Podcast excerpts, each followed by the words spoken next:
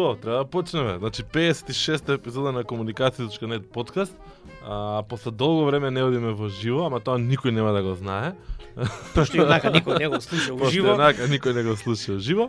А, денеска како што најавивме и како што си рчнавме тема минатиот пат, а, си имаме двајца супер гости кои што многу зборуваат исто како нас, па затоа рековме дека ќе зборуваме турбо побрзо, па вие успорете малце на слушањето после ако не. А, домаќини ја и Мите, Дарко и Мите, а гости Ели Пешева и Борјан Јовановски. Срамежливи. Многу е. срамежливо. ова- не престануваат да звонат, да кажам на нашите гледачи да си ја сниме. Да, нема многу зборува, многу зборува. Здраво. Не, ова е- ова true story. Не знам дали ќе се сетиш од Цитало ова дека беше true story. Да, да, да. Имаше такви епизоди. Има и други во ова. Денеска Ќе зборуваме за нивните последни проекти, а, односно еден проект кој што ја туку што разбрав дека всушност бил заеднички на времето. Зборуваме за Зебра, пошто беше под нью момент тогаш нели заедно. А кој што денеска си има некоја нова реинкарнација, да кажеме од оваа година, се најавуваше и беше некаква желба или подолго време, ама конечно си го виде светлото на, на, на денот, односно на браузерот, на екранот. И вториот е нова ТВ, чиј што Нова, главен нова, нова е. Само Нова нова е. Стварно Само нова ли е? Да, само а, е, доменот го има фатено нова гимназијата. Не знаевме и моравме да дадеме тоа ТВ. Иначе е нова. Добро. Нова точка ТВ би би било во Значи нова. Само нова. Добро, Добро двата проекта се видео базирани. Значи доминантно видео базирани. Двата проекта а, освен а, тоа што се нели онлайн и што се видео, имаат уште еден заеднички содржател, а тоа е дебата. А, затоа што кој нашиот драг колега Сеат не беше во можност да не се придружи кога ја снимаме оваа емисија, затоа ни прати прашања и јас ќе искористам структурирано да ја започнам да дискусијава со прашањата од Сеат. Значи, прво прашање. Какви се реакциите на корисниците на новите проекти? Вашите нови проекти? Како се реакциите Да, да. Корисниците. на користниците? Па не знам, ние немаме коментари да ни стигаат. Значи, не, не- немаме таква работа, пошто не сме, не, не, не, не стримаме. А коментари на прилозите да ставаат, треба да ставиш еден човек кој ќе чисти хейт спичови разноразни. Така што немаме, вако од, од, од пона што го гледаме на Google Analytics иде доста добро. Така што тоа е тоа, не знам. И рано е, 10 дена сме. Многу сме мали. Епте на почеток ве фатив мене, а? Па, о- Океј, ми- Само овој. од тие луѓе што нас бираат, викаат дека по тие резултати првични дека тоа е многу добро за за почеток. Ама ќе видиме, не не тоа не, не, не, не значи ништо. Или вие истеравте една епизода? Да, Сега ние и сме втори една и пол. Една да, и пол. една и пол. Утре, е, значи, ние вториот дел од втората епизода, значи, фативме малце политичка тема, па се пребацивме на нешто по лайт спорт, нели таму сите се си знаеме.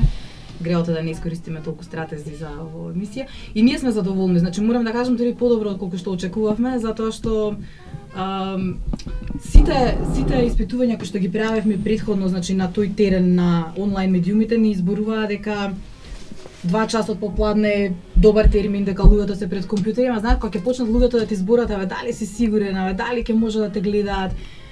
Е, почнува малце да ти делува на енергијата, но исто испитувањата нашите и показателите се супер, значи одлично. Не само што ја следат во живо многу и фала му на Unet Cloud дека може да ги издржи сите вклучувања. а, Зборуваме во бројки, зборуваме во бројки. Па да речеме за првиот првата емисија имавме околу 800 вклучувања кои што беа во живо, Одлично. значи што е сосема окей. За втората имавме нешто помалку, не ме фаќате за збор, мислам околу 600. А, за оваа се уште ги немам од вчера добиено податоците, но имаме околу 3000 прегледувања кои што се вон а, тој тој термин, Мгм. значи луѓето и понатаму ја гледаат. Ние имаме коментари, меѓутоа она што бидејќи сме и генерално насочени кон социјалните медиуми, кон Твитер и кон Фейсбук, но она што е многу интересно е поставуваат луѓето прашања, коментираат на Твитер. Мгм. Ама знаете дека јас добив 1 према 3 повеќе директни пораки?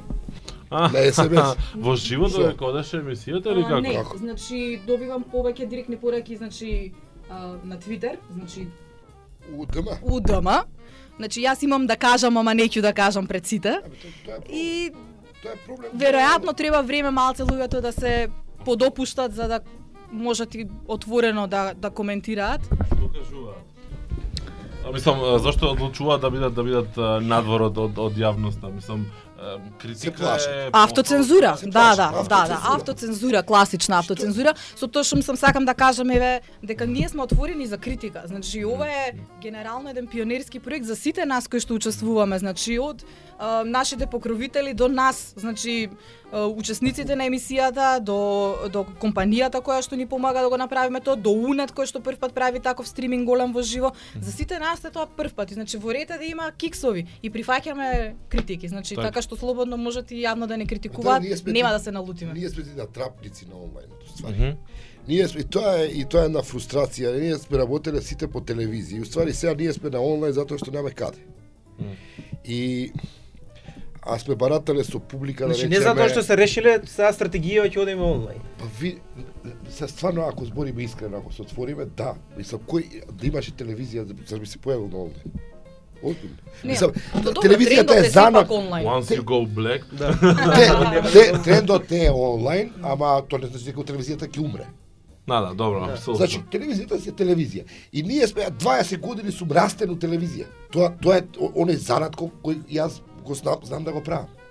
Не, едноставно и сега се бараме тука на овој простор. Да, тоа тоа тоа- Ние овој простор го користиме како алтернатива за да сепак кажеме тоа што имаме да кажеме, да направиме тоа што имаме да направиме, да ете дебата која нели сме сакале што знам и, б, 90-ти години има, имало дебата, се не да направиш дебата на телевизија. А- Значи, не па. И се обидуваме тука и јас исто чекам, имам многу забелешки, сугестии конструктивни, ба- баш ми е драго. Бидејќи и ние го бараме изразот кој е вистинскиот за да комуницираш со онлайн публиката. Тоа не е телевизискиот. Точно. Значи, и не, тој не функционира. Тој не, не е ист, нормално не, е ист. Кога имаш, а, ние со нашите производи на А1, на пример, она што го правевме, нашата публика беше над 40 години. Таа публика ја нема онлайн.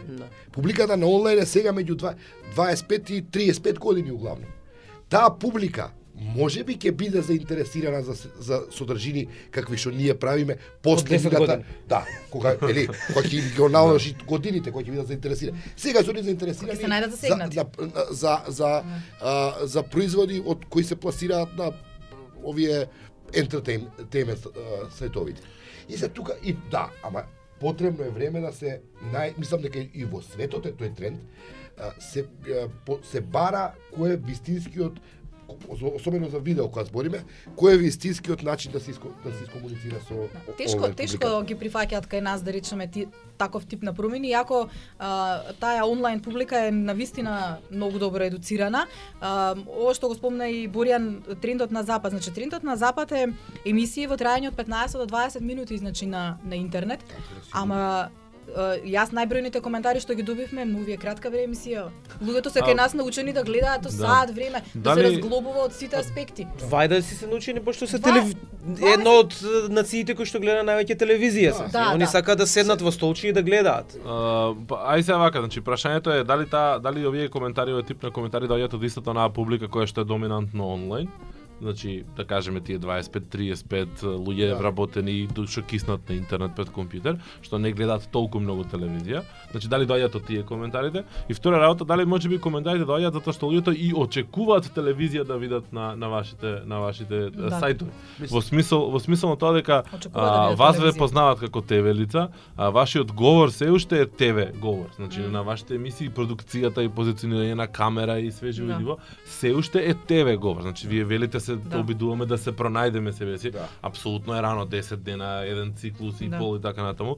Ми не не е нормално дека не може од одма да го направиш како што треба, меѓутоа дали може би а, причината зашто луѓе бараат ТВ да видат внатре заради тоа што и вие сте ТВ сами по себе, па се барате во онлайн приказкава. Даре, мислам дека и, и сензибилитетот на публиката е во, во ни он не е наштиман. Ни она не знае што сака. На глобално ниво се случува стварно ломе по ме- во- воопшто во медиумите Апсолутно. да. воопшто на, на изразувањето, на комуницирањето. И сега тоа е ова е што знам, ние сме дел од историја веројатно кој за не- некои 10-15 Што години работите многу Да. појасни ќе бидат и ќе се дефинираат печатените медиуми ќе се комплетно ќе се а, редефинираат, а, телевизиите ќе бидат поинакви, онлајнот ќе добие дефиниција многу попрецизна и во целата таа гужва и корисниците се ни они не знаат што спорт мислам мислам дека ни они не знаат што сакаат и они лутаат бараат се обидуваат да пронајдат вистински начин, односно вистински извор на, на информација кој кој е соодветен на нивните потреби, не знам, една.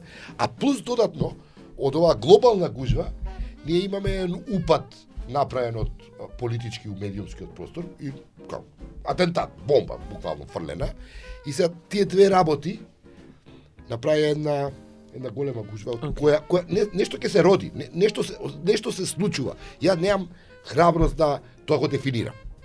Само гледам дека се случува процес кој е доста динамичен и хаотичен. Да, но некој мора да го почне. Знаеш, ке се бараме веројатно ние неколку години додека И го ова мене ме стартуваме потсеќа тој на речеме на процес. 93 година кога го почнувавме Ајден. Тоа беше, како да ви кажам, значи ние немавме, имаше постоеше МТВ телевизија една, И толку. И да, тоа беше тоа. И се ние као требаше да бидеме прва нешто поинаква телевизија. Немаше, тешко беше, немаше нешто многу, нема да гледаш странски телевизии, беше потешко, да гледаш сателит. Едноставно не знаевме како. И тоа беше првата година у Ајден, тој хаос. Ја не, не, не знам дали би можел да го преживеам икад у, у животу пак. Али и требаше колку време на Ајден. Ја мислам дека дури некаде а, 99-та година, после 6 години, Ајден успеа да ја да, да ја претрка МТВ во, во, во рейтингот. А до тогаш некој тип на реакција имав од комшиеве мои постари водњанци, некои од, од нив академици. Прашам Чичко тој тој да не ги именувам познати се. А како со Ајден, да речеме 94-та, 95-та после две години. Што знам, Добро, окей, ама МТВ. МТВ си е МТВ. Иако на МТВ, МТВ си терава со таа стерилност. Има една има една паралела од во тогашниот медиумски пазар се отвара телевизии во секој ќоше. Да. И Тоа да, може да се направи. и сега се отвараат Така Сајтови. Да. сајтови на секој Да. на секој ќоше. Да. Интер да. Апсолутно Интернет може да се направи се таа отвараат, сајтови се Да. отвараат, значи сек има еден една хаотична ситуација.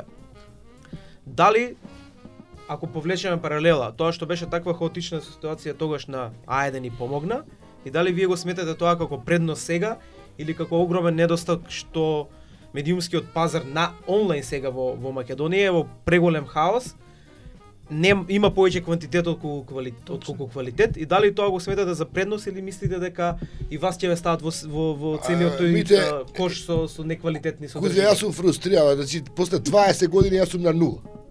Значи 93 Позитивна. сме почнали решаваме, си Позитивна стигнал до негде и сега си дра, ај одново Ама пак. добро, тоа не е само заради тебе или заради ова општество. Генерално тоа е 21 век, нови технологии, мораш да се прилагодуваш. А, Мораш не, да не, се не, не, најдеш, не, не, иначе ќе се најдеш стиснат меѓу две турски Ели, серии. ако работите на пример ако Ајден останеше, она она постојано се надоградуваше. Се друго ќе беше на платформата на Ајден и Ајден сајтот да надградуваш.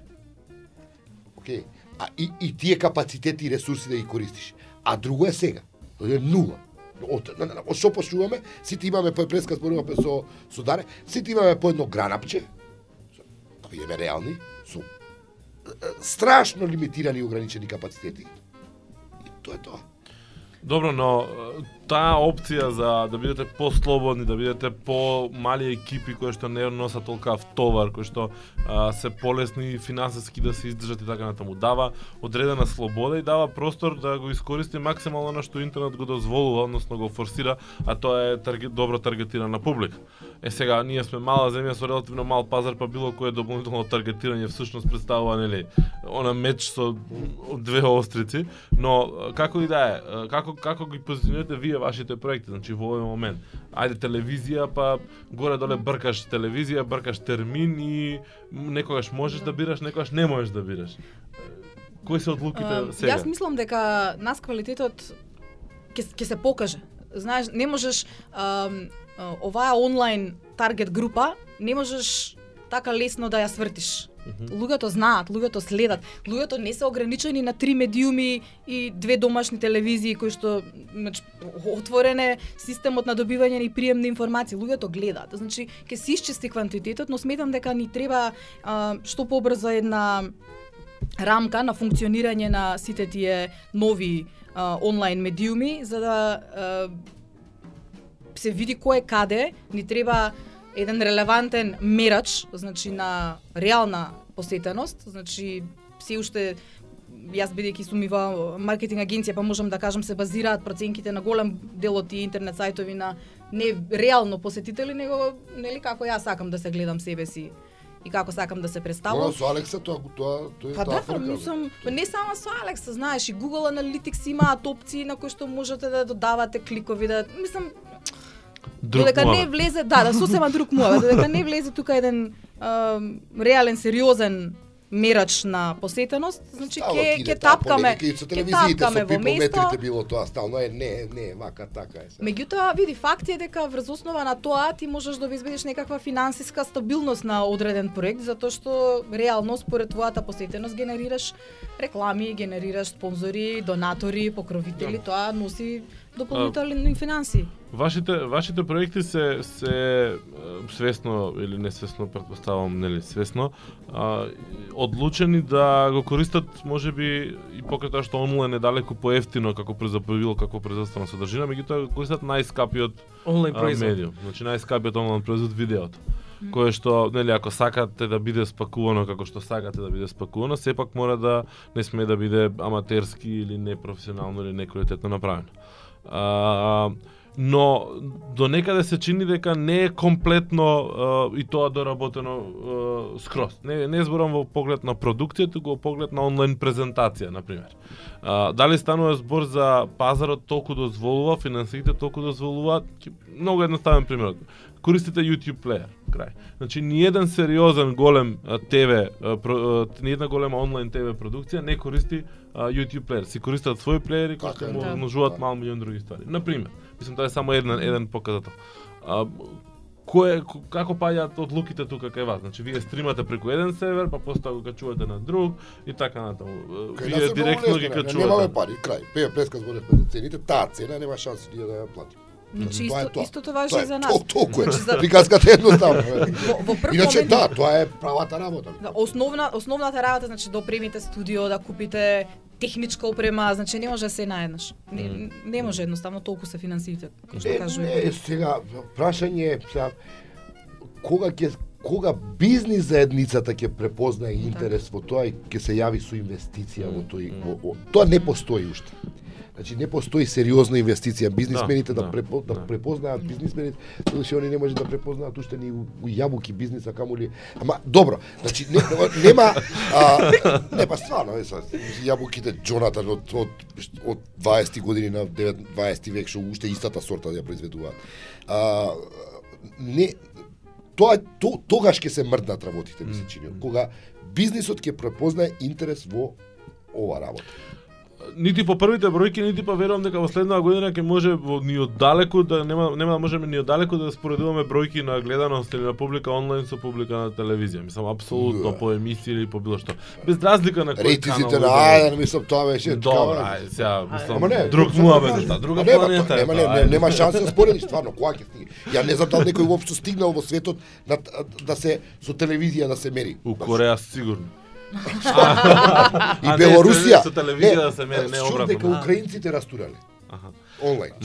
Со тоа што таму Да. се од надвор се Да, финансира. но несомнено е дека дека несомнено е дека без разлика дали бројката е 2000 или 200 или 20.000 прегледи на на едно видео, а, видеото многу често си е, си е мислам медиумот како медиум си ја пренесува својата порака и го има влијанието кое што очекуваме или треба се очекува да да го има. Така да, а, нели во поглед на маркетинг колаж, во поглед на бизнисмени, препознавање идеи, кои се вашите искуства сега? Значи како наидувате кај тој дел од заедницата?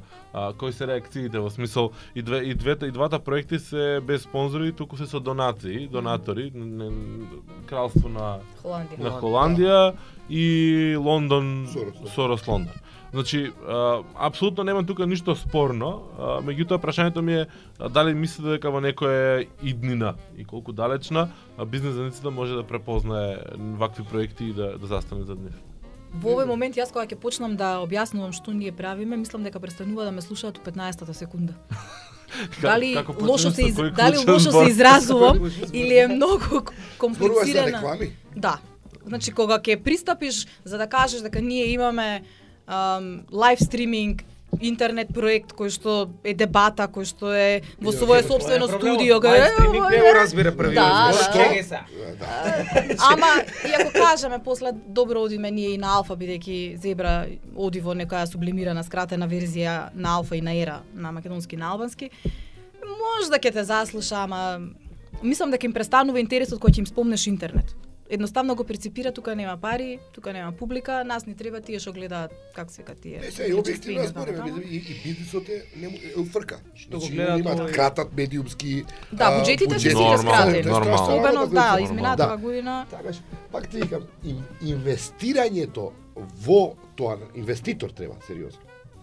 За да тоа се покрене како што треба. Или да биде а, онлајнот како што е ProPublica у Америка, да биде јавна собственост. Uh, граѓани да купуваат акции, ама кај, кај нас ни- тој тип на култура не постои. Не може да го, Не, не може да го. Ој ме опишеш, вика, тоа имаш по публика ме вика дечкото ме вика ние 10% имаме вика, вика, вика само 10% вика имаме од донации. Они прават истражувачки стори, најавува истражувачка стори, донираат Да. граѓани Да. с кои веруваат дека таа истражувачка Засегнати сторија се од- ќе да, придонесе да. Битно. И ми вика, вика колку, па само 10%, колку ви е буџетот годишно? 10 милиона, значи 10% милион донации од граѓани. За да прават истражувачки стори со 1 милион долари. И, и, и, и на ниво на граѓанска култура, на ниво на бизнис култура и, и све тоа треба во некоја синергија да го отвори вистинскиот пат кон новиот начин на, на да го дефинира новиот израз. Прашање од сеат овде, само да пресечам. Кои се, ма- маде веќе спомнавте еднаш, кои се проблемите да се анимира и вклучи публиката сега? Значи имате, имаме нова средина, дискутиравме, Как еве, еле вие пробувате, пробувате, имате хаштаг, го промовирате, Twitter, Facebook, како одеше тоа до сега на страна директните пораки приватни? Се покажува јазот во генерациите при користењето на социјалните медиуми. Значи Facebook е далеку од она што беше пред две години, мислам веројатно знаете за служи за соседски размени на фотографии и така натаму во најголем дел. А, за разлика од Twitter кој што има една а, многу активна и многу информирана популација која учествува реално во Мгм, мгм. во комуницирањето на темите, во комуникација со гостите, даваат ставови и така натаму. На Твитер, на Твитер е тоа многу полесно, на Фейсбук, а, на мој изненадување, малку подзакочено. Значи, они едноставно ја, ја, ја прегледува содржината, но не се вклучува во дебатата. Мгм, мгм. Значи, дали велам затоа што веројатно се изместија границите околу генерациите кои што ги користат овие социјални медиуми сега на Facebook таа генера... јас генерација да коментира, значи она постара генерација а, 55 плюс како сега викаме ние над 55 години не влегува во дискусија или ако влезе тоа е толку завиено, толку и имате одреден процент на луѓе кои што живеат буквално на Facebook и на Twitter, ама прашање колку нивните ставови за се и се што се на крај на криштата релевантни или да ги вклучите во секоја во секоја опција. Да. Добро, може би и публиката на оно ми текна имаше еден ретро пост нели сега од uh, стар подкаст Аха. што го правевме беше дека Facebook се претвора во нова телевизија, односно Facebook е новата телевизија и дека публиката таму им покажува знаци на на на телевизиска публика, а не на интернет публика, па може би во таа насока е баш тоа што ти го кажеш или дека нема таму премногу вклученост. Не беше тоа што пред две години, Да. затоа што најверојатно со влегувањето на таа или со премостувањето на дигиталниот јас кој што пред две години постоеше, а сега Да. не постои на Facebook, не на интернет, туку на Facebook, публиката се ја, се применува и имаме она баш повторно телевизиска публика Да. која е научена да прима информации не, не и да дава. Станува масовна јавност. Да, публика. станува, да, станува Не публика, да. масовна. Да, масовна Се публика станува. однесува баш така, да. А, Борјан, Не можам да кажам, мислам, еве, еве со Твитерот, што е Твитерот се few good people. Ко- Колку, колку спе, колку има на Твитер луѓе? Има многу. има- мислам дека нема. И-. Гле, проблемот Да. е што е луѓе се вклучуваат или да тролаат или се вклучу, вклучуваат по штабски инструкции. Нормален свет се плаши да влезе во сето тоа. И, и, се, и, и тоа е проблем голем. Граѓанската култура, таа уште не постои бе луѓе. Реално.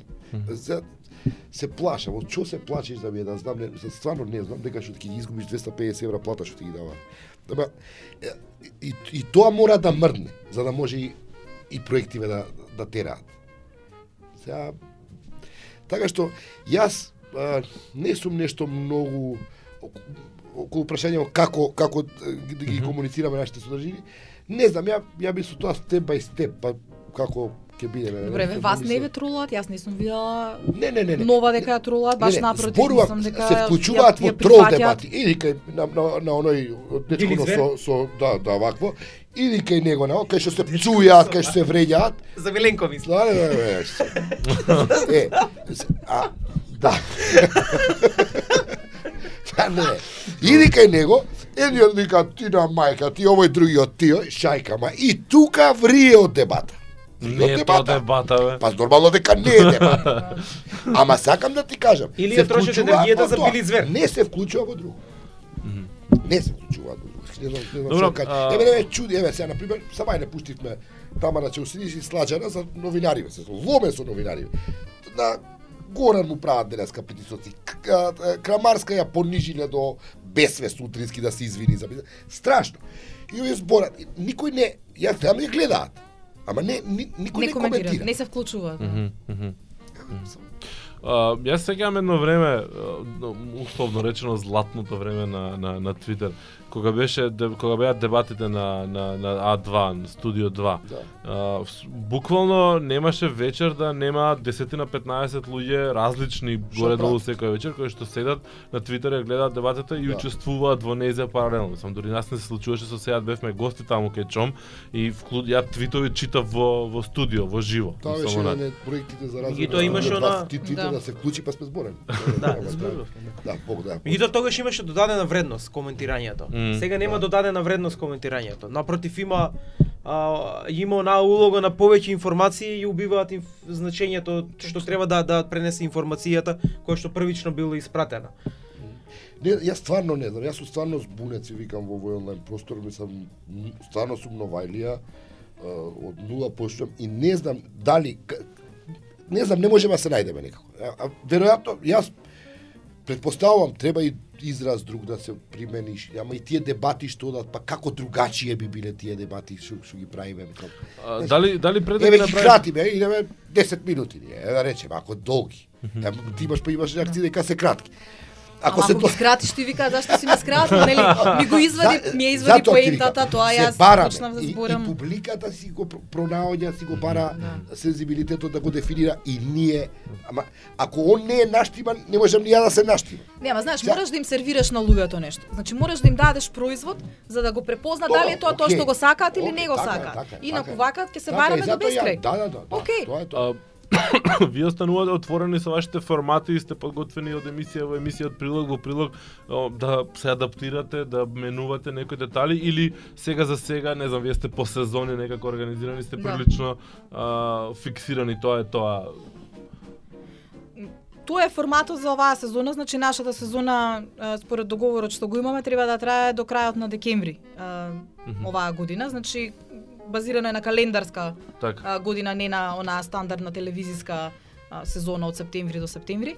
А, тоа е тоа за сега. Се надевам дека ние планираме значи да користиме а, новите технологии во вклучување на луѓе кои што не се од Скопје, значи не мора да бидат присутни во студио за да им го мгм. а, гласот и ставот, знаеш. Така што тоа малце понатака сега уште да влеземе во некаков колосек, да почне емисиите, да да она стримингот и интернетот највише што не плаши да да, да биде окей, Да понатаму ќе можеме и да импровизираме со други Ние ќе мене ние разговараме на пример меѓу другото се се инспириравме од вашата претходна дебата.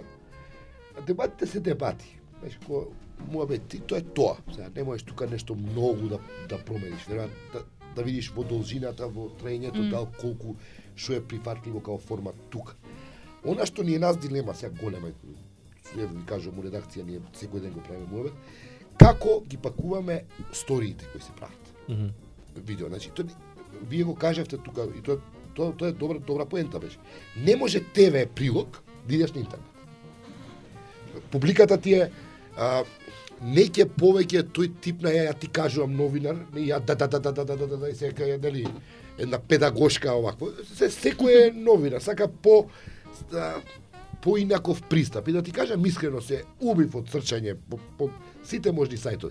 И гледам дека нигде уствари тоа не е дефинирано како тие прилози. Сега не зборам ја CNN иде на телевизија па го става прилогот на на на на сајт. Таму е сајтот супорто, не Да. нели Јасно. или Не телевизиите. да. Е, а- ама а, на интернет тоа што се прави како видео доста лута. И, и, тоа тоа се обидуваме да го пр- пронајдеме. Кој е вистинскиот начин? Ама не иде она оф тон, та та та та та, та, та па изјавче, па инсертирај го оф, оф тон.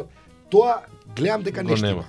А мислам дека одат на повеќе на на готови готови кадри, значи снимаш онаков готор од Мислам, че Адош. По реал сака, да. по по да по од Не, терен да на- да нијанса пренесеш по-аматерски пос- да личи тоа. Имено, да, Да, да, да. да. А да. ја колку што имам пребарувано по по, нов, по нова, тоа што го имам забележано дека нема некоја а, измешаност на на на медиумите или кога кликам или читам само текст или гледам само а, само видео. Тоа е еден од муабет. На пример, пуштивме прилог кај што има текст, видео, текст. Се бараме, кузе. Значи, Да. буквално секој Текстот го читаат, а видеото го Менче, него Менче вчера направи прилогот и беше а, стендап изјава, стендап изјава. Секој ден менуваме, како да ти кажам, стварно менуваме. Немам не, Не, не е- проблем да го признам, барем стварно не знаем. Не, а, добро. а, еве ти викам, не можам Да, ни да најдам урнек на светски сајт да речам еве вака. Најдов на New York Times некои документарци многу добри.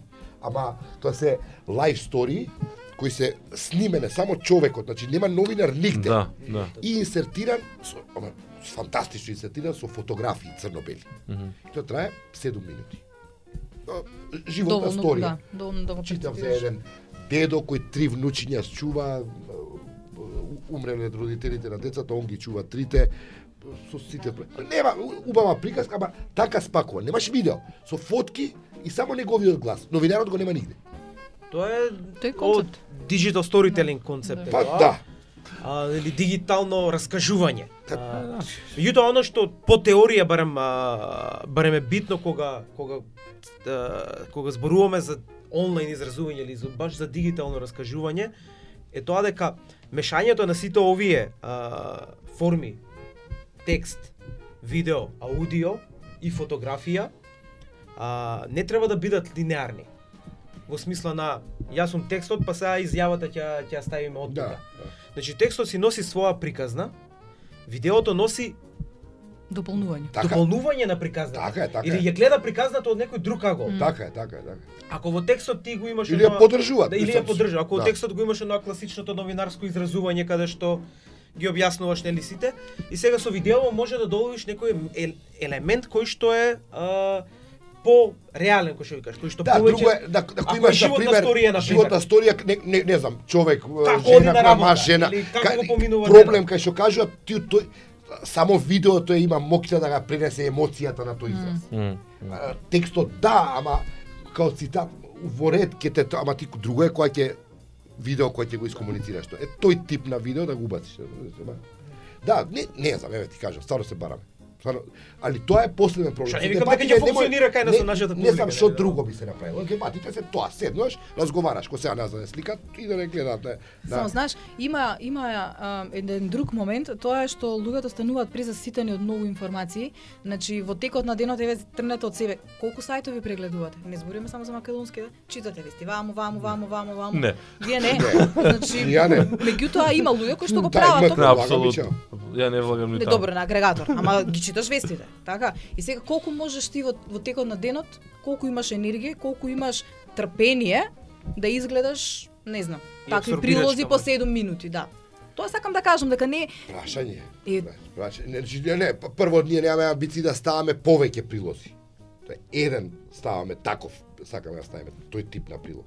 Еден да го ставиме. Ама, да го ставиме. само знаеш, ти треба тогаш да ги научиш луѓето да дојдат директно на нова, да не одат преку тајм. Имено, да, имено. Значи преку тајм ако земе ќе ги исчита викам 40 step by вести на иста тема, и на, нашата шанса е у тоа иначе да, да бидеме исто да, да чисто. Кога да не се случеше атентатов у медиот, политичкиот атентат у медијскиот простор. Ти мислиш дека ќе доаѓа гости кај нас на онлайн дебати? да имаше дебати сериозни на телевизија. Боже, пази, што ќе доаѓа, иде негде на некоја кај што има дебата, кај што го гледаат 100.000 луѓе, нормално, А ти доаѓа кај тебе. Се немаат кај што да кажат, ти доаѓаат, нормално доаѓаат кај нас. Сваќаат. Тоа е. Ја ова ќе го сватам ко навреда за нашиот подкаст кој што постоеше и ќе постои и дека има телевизија и онлайн други сајтови.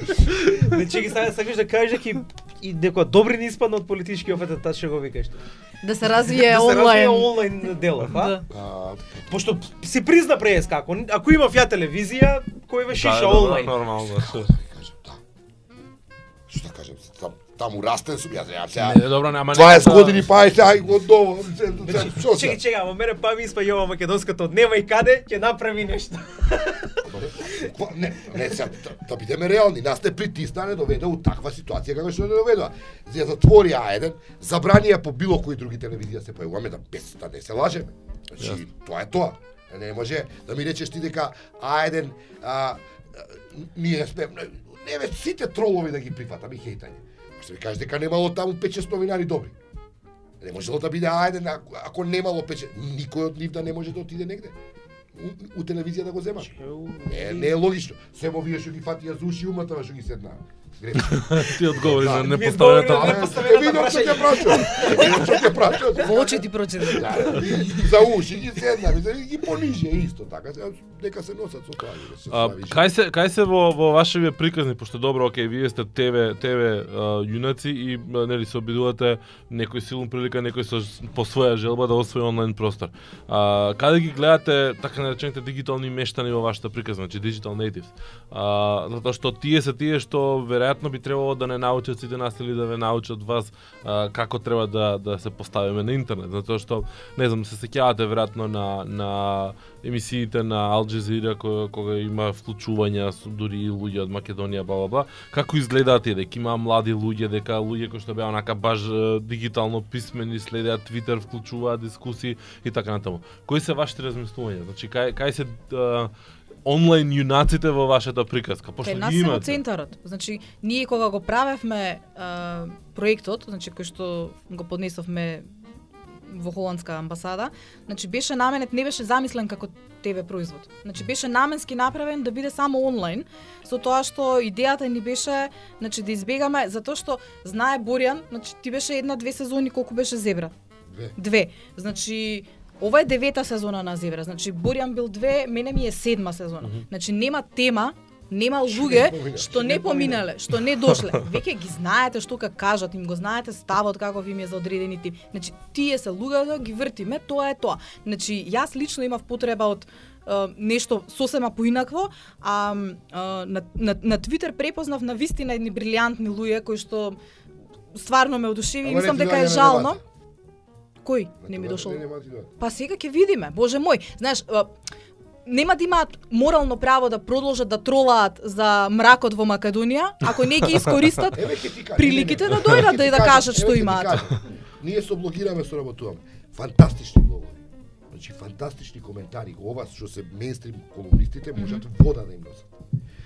Најново што ни е објавено тука е такво истражување за како се трошат парите партииве и медиумиве таа криминогена врска. Значи неверојатно истражување. Стапи во контакт со човекот. Нека се појави на телевизија. Он он си го кажал или тоа што си имал да го каже? Го пишал блогот.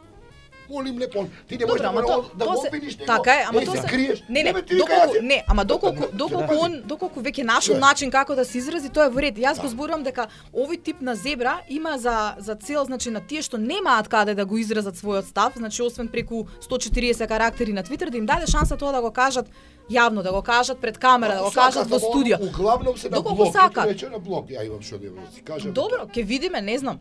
Рано е уште, јас не се јас сум ентузијаст, не се придавам уште дека има луѓе кои што вреди. Не, да кажеш и за кого станува збор, баш не можам да го најдам текстот. Извини што. Да. Или на наслов на идеи. Добро. Окей.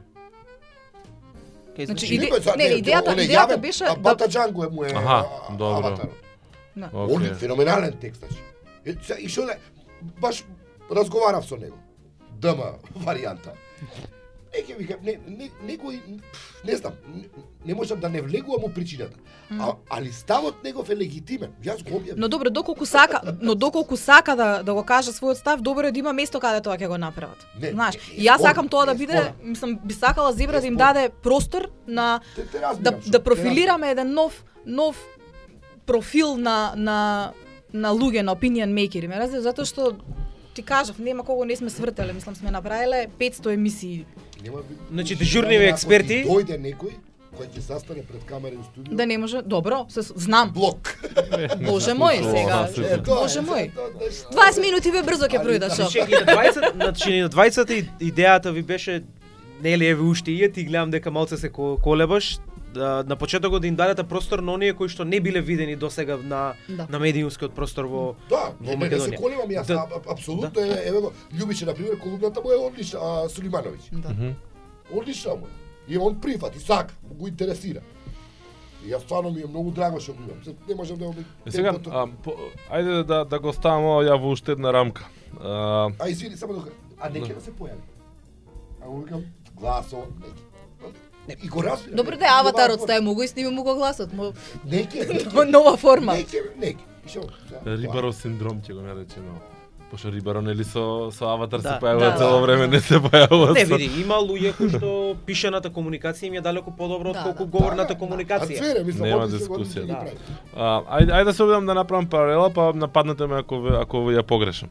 А, значи, на времето кога беа актуелни блоговите, а, некои од мейнстрим медиумите, начело со Геро и неговите медиуми недално време и слично, а, тогаш некако се обидува да, да, да ги извлечат тие деца од таму, значи деца во наводници, иако некои од нив на вистина беа деца и по години тогаш, а, да ги извлече од таа нивна комот, комотност, значи од таа нивна средина во која што станале тоа што се, а, и да ги стави во, во друга рамка, значи да ги стави во рамка на колумнисти, неделни, те- теркови, вестници, те списанија, што и да е.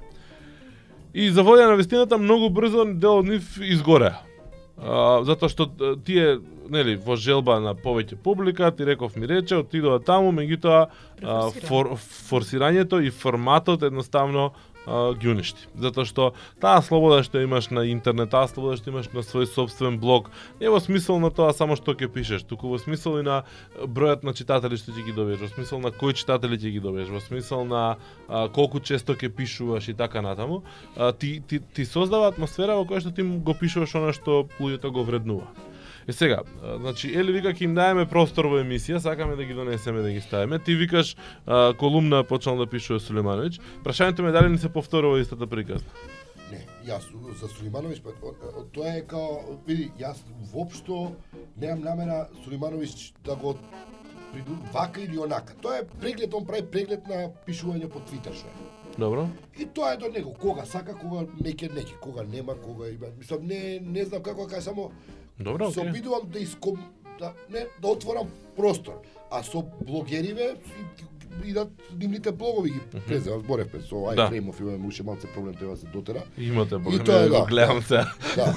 А, знаеш, јас мислам тоа ти е како како аудиција. Значи даваш ти шанса на 500 луѓе, ако 50 останат од нив да бидат активни, млади, свежи, нови, симпатични, интелигентни луѓе во медиумскиот простор, нови ликови, нови имиња, мислам дека е окей. Не не се не се изгорени. А, види, не можат да бидат сите Не ни треба. подеднакво успешни. не. Знаеш, исто како на телевизија, не Не, не бива, знаеш како викаат, Него, секој не, дрваш него болка. дискутирам тој аспект дали ќе бидат успешни не. Прашањето ми е дали мислите Дали дека е по-? Дали мислите дека е попаметно вие како да кажеме луѓе кои што стигаат до поголема публика да ги поддржите тие активни а, онлайн играчи во она што тоа го тоа го прават, во она што тие го прават или е по, или е попаметно да да некако влијаете да тие го променат тоа што го прават во некој друг формат кој што вас заради XY причини форматот на вашите вашиот медиум од го одговара повеќе.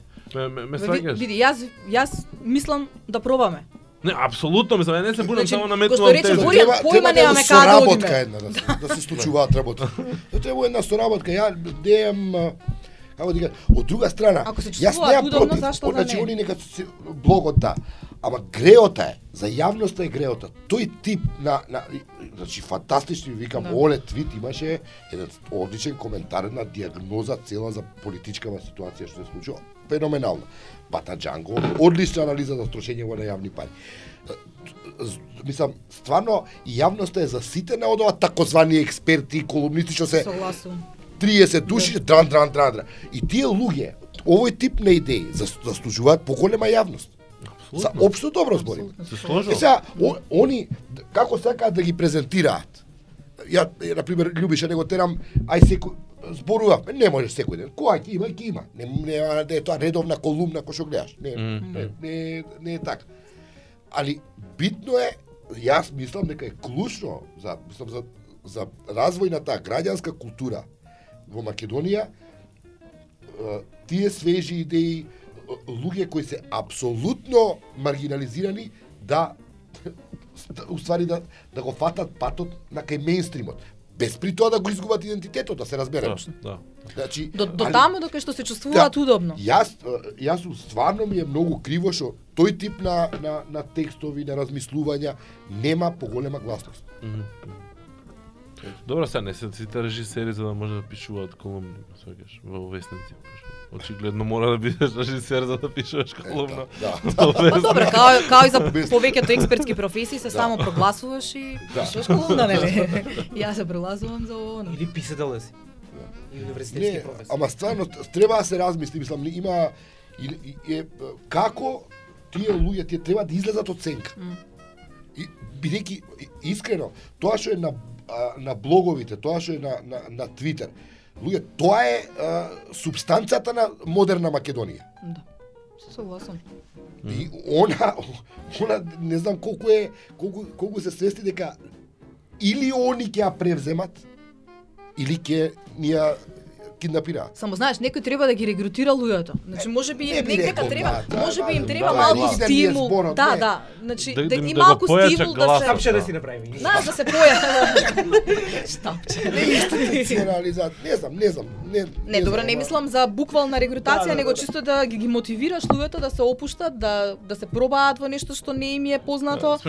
Е сега дали они ако добијат поголема гласност многу брзо ќе се продаат, тоа е питање на Е, Е, карактер. добро, тоа не знаеме. Тоа е прашање на преговори.